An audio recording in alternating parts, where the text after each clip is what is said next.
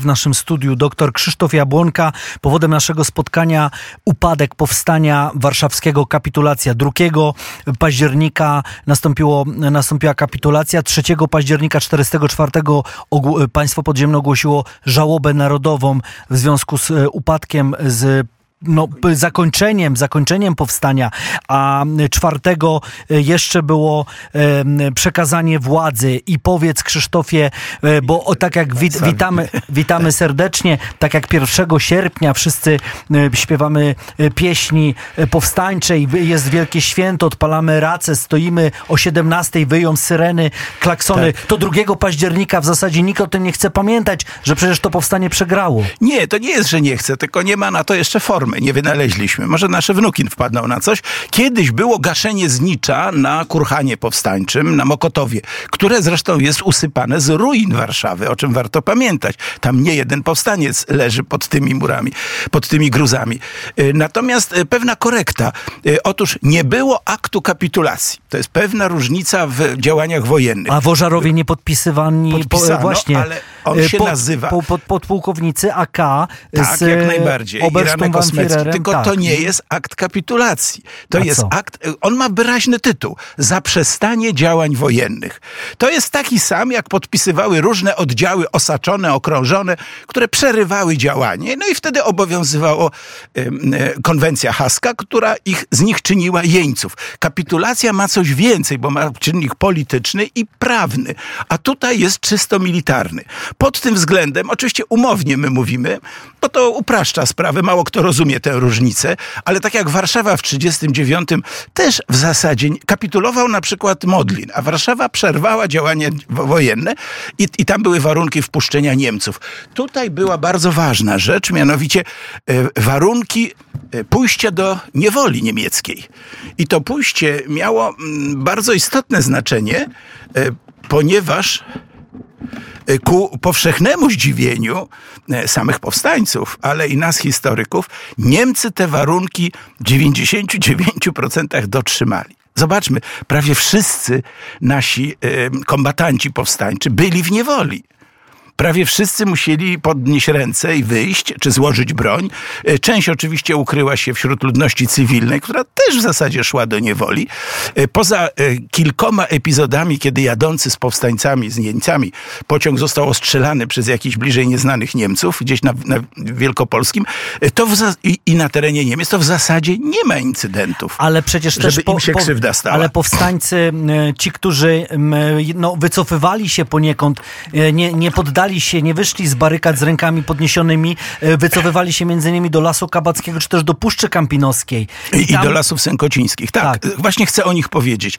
E, to jest, są oczywiście, każdemu wolno było na różny sposób. E, nikt nie wychodził z rękami do góry, to jest ciekawe. Wychodzili z bronią w ręku, i w momencie, kiedy składali, a szczególnie dzieci Warszawy z barykady na Chrobrego, Niemcy zasalutowali.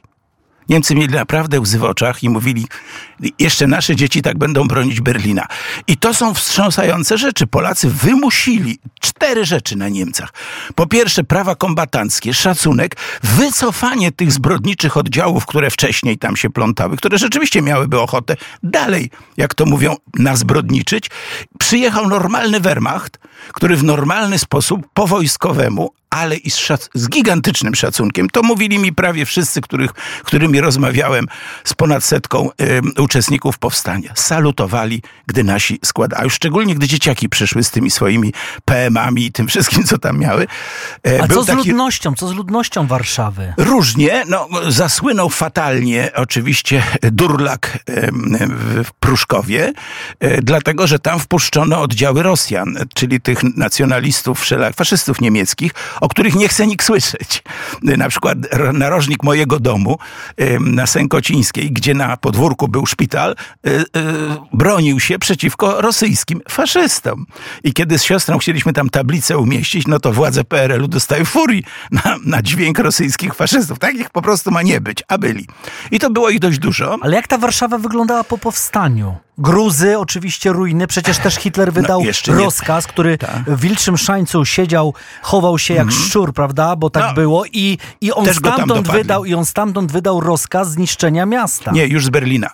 Już z Berlina, bo on y, po zamachu y, już opuścił ten szaniec. Natomiast rozkaz przyszedł nawet nie na wiadomość o powstaniu, i to Himmler go wydał. Po prostu wcześniej był przygotowany plan Papsta, czyli właściwie zniszczenia dwóch trzecich Warszawy i zbudowania 60-tysięcznego miasta niemieckiego Warszał, notabene. Natomiast e, tutaj na wiadomość o strzelaninie e, Himmler telefonicznie zburzyć miasto, wymordować mieszkańców. I tu się zaczęła rzeź woli. Dopiero się za głowę złapali, że to jest w ogóle, tak powiem, nie, po pierwsze niewykonalne, a po drugie utrudnia. I odwołano szóstego, także między pierwszym, no powiedzmy drugim czy trzecim, a szóstym przez trzy dni trwała totalna zagłada woli, którą można porównać z Holokaustem w całej pełni e, definicji tego słowa. A kolejne, kolejne dni, 6, 7, 8 października i To tak już jest dalej. regularna walka. To już jest regularna walka. W połowie tej walki Niemcy zostali e, zmuszeni w zasadzie, a może nakłonieni do uznania kombatanckich praw powstańców. Wcześniej ich miano za bandytów i rozstrzeliwano bez, żadnego, e, bez żadnych ceregieli. Potem już ceregiele były. I co jest najważniejsze, e, że alianci powiadomili Niemców, że od tej pory na froncie zachodnim wszystkich jeńców będą oddawać Polakom do kontroli. To był szantaż ponieważ ci mordowali jeńców, i to no, starówka jest tego kosz- koszmarnym przykładem, gdzie strzelono nawet do figury Chrystusa ukrytej w podziemiach, y, świadczy o tym, że to poskutkowało. Ale tu w Warszawie się coś działo? To jakieś życie było de facto? Czy to wszyscy, właśnie cała ta ludność jednak była przez tych Prawie cała wychodzi, tak, dlatego, że chodziło o doniszczenie. Pamiętajmy, 30% zniszczeń jest po upadku powstania. To wtedy wyleci Pałac Saski w powietrze, do końca zostanie zburzony e, Zamek Warszawski, katedra. No to wszystko pada już po... E, I słusznie się mówi, że miasto zostało domordowane. Przetrwało około 500 osób, tyle się oblicza, jeżeli się w ogóle da obliczyć. Ym, Z tego 100 w centrum, y, które żyły w piwnicach i żywiły się tym, co te piwnice tam po środku zawierały. No wtedy były inne czasy, nie było ym, megasamów, w związku z tym mnóstwo ludzi miało mnóstwo weków i innych rzeczy pochowanych w piwnicach i można było od piwnicy do piwnicy się czymś wyżywić. Druga rzecz bardzo istotna, e, to e, e, właśnie traktowanie Polaków w niewoli. Ci, którzy poszli do, jako żołnierze, a mieli możliwość pójść jako cywile, w zasadzie e, źle nie wybrali. Z cywilami było po prostu różnie. W niektórych sytuacjach, gdzie Polacy stanowili w- zwartą grupę, gdzie na przykład znalazło się kilku oficerów e, w e, cywilnych ubraniach, no e, tak zwani Ukraińcy, czyli mówiąc krótko ruskojęzycznie, wsypsjakoje, em, nie miało wstępu, ale gdzie indziej no, były straszne gwałty na dziewczynach, bo wybierano je nocami tam, um, malowano te dziewczyny na różne tam błotem i tak dalej. To było potworne na zieleniaku, zbrodnia na zieleniaku i na w- Durchlak e, e, Pruszków jest e, pokłosiem, e, znaczy zbrodnią popowstańczą. Taka jest e, odnotowana.